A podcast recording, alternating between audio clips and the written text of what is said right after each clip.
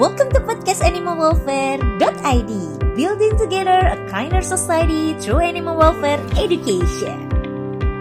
Podcast ini adalah podcast edukasi berbasis prinsip kesejahteraan hewan Berisi tentang tips dan triks yang berguna untuk hewan peliharaan, manajemen shelter hewan, adopsi, dan kepemilikan hewan yang bertanggung jawab Yuk kita dengarkan episode menarik ini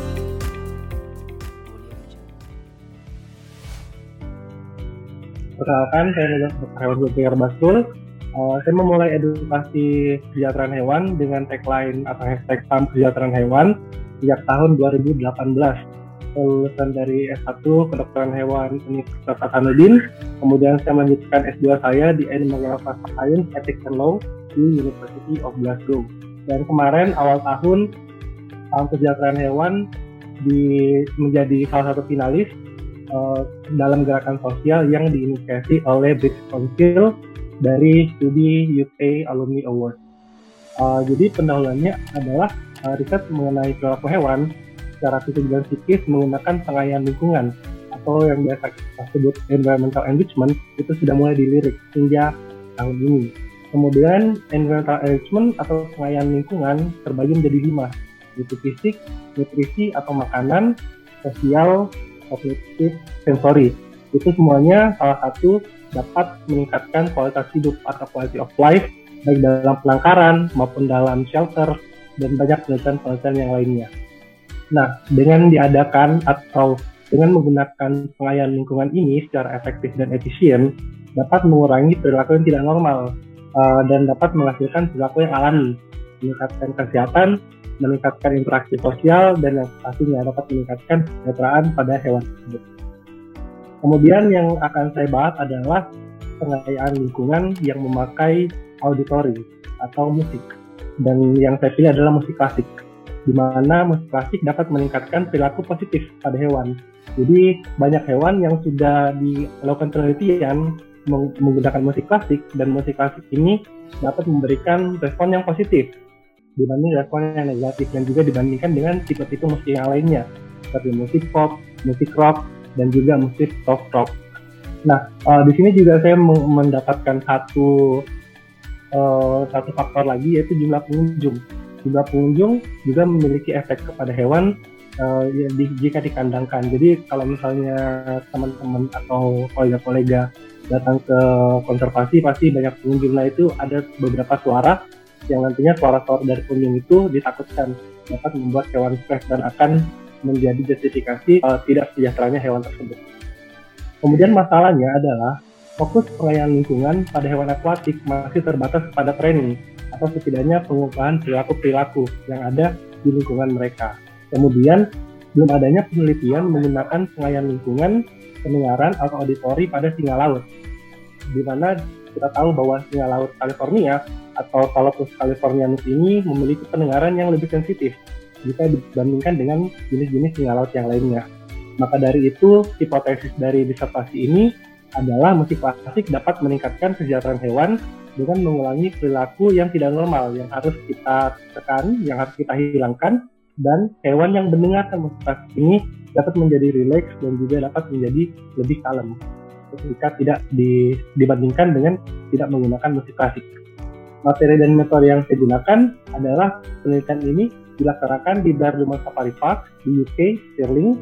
Kemudian ada lima singa laut yang menjadi uh, sampel yang terdiri dari empat betina dan satu jantan.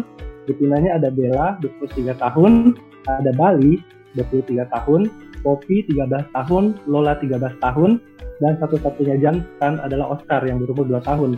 Akan tetapi uh, Oscar ini baru masuk menjadi member di singa laut, maka dari itu untuk jumlahnya, untuk jumlah singa laut yang dalam penelitian ini hanya ada empat ekor.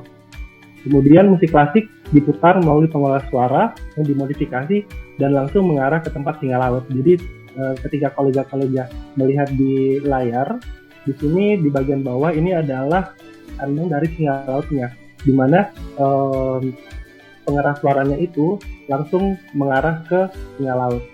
Dan musiknya diputar selama sejam di jam yang sama. Yaitu pada pukul 2 siang sampai pukul 3 siang jadi hanya berlangsung sekitar satu jam saja waktu setempat. Nah, album yang saya gunakan adalah The Very Best of Classical Experience dari Virgin Records, genrenya klasik dari UK. Uh, albumnya ada di sebelah kiri dan untuk menghindari habituasi, uh, pada hari ganjil saya menggunakan side A pada CD-nya, kemudian pada hari genap itu side B. Jumlah penelitian menggunakan aplikasi yang didapatkan ada 27 hari dengan pilot study 9 hari dan pengambilan data ada 18 hari. Kemudian pengambilan sampel menggunakan sampel continue selama sejam dengan interval 2 menit dan menggunakan etogram. Di mana di sini etogramnya terbagi menjadi uh, beberapa. Yang pertama adalah pattern swimming, yaitu ketika singa laut berenang dengan pola yang berulang-ulang atau repetitive behavior. Behavior ini yang harus ditekan karena ini menjadi salah satu indikator hewannya tidak sejahtera atau dalam kurung hewannya stres. Kemudian ada random swimming atau RS. Ini pola berenang lain selain pattern swimming. Ini adalah respon yang positif, di mana yang lainnya juga adalah respon yang positif, seperti ada resting atau beristirahat, maintenance atau grooming, ada juga interaction between spesifik, dan juga yang terakhir ini bukan positif dan negatif, tapi di sini adalah hewan yang tidak terlihat atau out of sight. Jadi beberapa etogram ini yang menjadi salah satu tolak ukur apakah musik klasik tersebut bernilai positif ataupun bernilai negatif. Hasil statistiknya membuktikan bahwa beberapa menghasilkan data yang signifikan seperti uh, random swimming dengan jumlah pengunjung, kemudian uh, resting dengan jumlah pengunjung dan juga mutual grooming dengan jumlah hari. Di mana angkanya adalah seperti ini. Ketika kita membandingkan efek musik klasik dengan jumlah pengunjung dengan perilaku pattern swimming yang tadi atau perilaku uh, salah satu perilaku yang stres di sini kita dapat melihat bahwa um, pattern swimming itu meningkat jika pengunjung berkurang. Tapi itu adalah kontrolnya. Yang yang poin yang bagusnya adalah pattern swimming ini terjadi lebih sedikit jika terdapat musik klasik jadi ketika ada musik klasik ketika singa lautnya mendengarkan musik klasik, open swimming atau uh, berenang secara berulang-ulang itu menjadi lebih sedikit ketika dikomparasikan jika tidak ada terdapat musik klasik. Kemudian yang kedua adalah efek musik klasik dan jumlah pengunjung terhadap perilaku random swimming atau perilaku berenang dengan bebas. Di sini kita dapat melihat bahwa uh, random swimming ini berkurang ketika pengunjungnya banyak. Dan juga di sini kita dapat melihat ketika ada musik klasik, meskipun pengunjungnya banyak, random streaming ini meningkat. Jadi di sini dapat kita tarik kesimpulan bahwa musik klasik juga dapat meningkatkan uh, perilaku random streaming. Pada kemudian yang ketiga adalah pengaruh efek musik klasik terhadap jumlah pengunjung terhadap resting atau pada istirahat. Di sini kita lihat bahwa ketika uh, anjing laut itu istirahat ketika banyak pengunjung. Dan ketika terdengar musik klasik mereka lebih senang mereka lebih banyak untuk beristirahat dibanding tidak mendengarkan musik klasik. Dan keempat adalah efek musik klasik terhadap mutual grooming. Jadi di sini mutual groomingnya meningkat setiap hari namun di sini ada angka yang negatif yaitu ketika ada musik klasik mereka cenderung menurun uh, ketika mendengarkan musik klasik jadi di sini motivasinya tidak terlalu mengefek ketika mereka melakukan grooming uh, antar singa laut.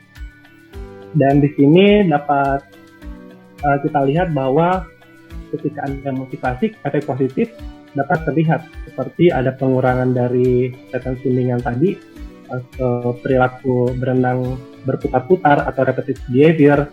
Dan di sini ketika ada motivasi, uh, ini meningkatkan perilaku random swimming perilaku resting dan juga perilaku mutual grooming. Jadi di sini kita dapat melihat bahwa singa laut lebih merasakan rileks di dalam penangkaran saat terdengar atau saat terkena uh, exposure dari musik klasik. Di mana uh, pattern swimming ini uh, yaitu musik klasik mempunyai efek yang positif pada beragam spesies. Jadi bukan hanya singa laut saja ya, tapi anjing ada uh, selain anjing juga di shelter ada juga jerapah, ada juga um, gajah dan ada gorila juga uh, yang mempunyai efek yang positif terhadap motivasi. Kemudian random swimming adanya habituasi.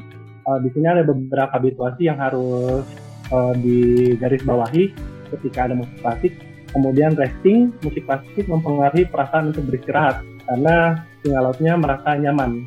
Dan, dan di sini dapat dilihat perilaku resting yang lebih banyak ketika terdengar musik klasik.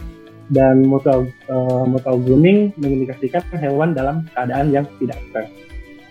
Kemudian jadi kesimpulannya adalah uh, kesejahteraan singa laut California Galapagos californianus secara langsung dapat meningkat dengan adanya musik klasik di mana dari etogram yang kita dapat data tadi yaitu rhythm swimming yang berkurang dan meningkatnya perilaku perilaku alami seperti random swimming, resting, dan juga mutual grooming.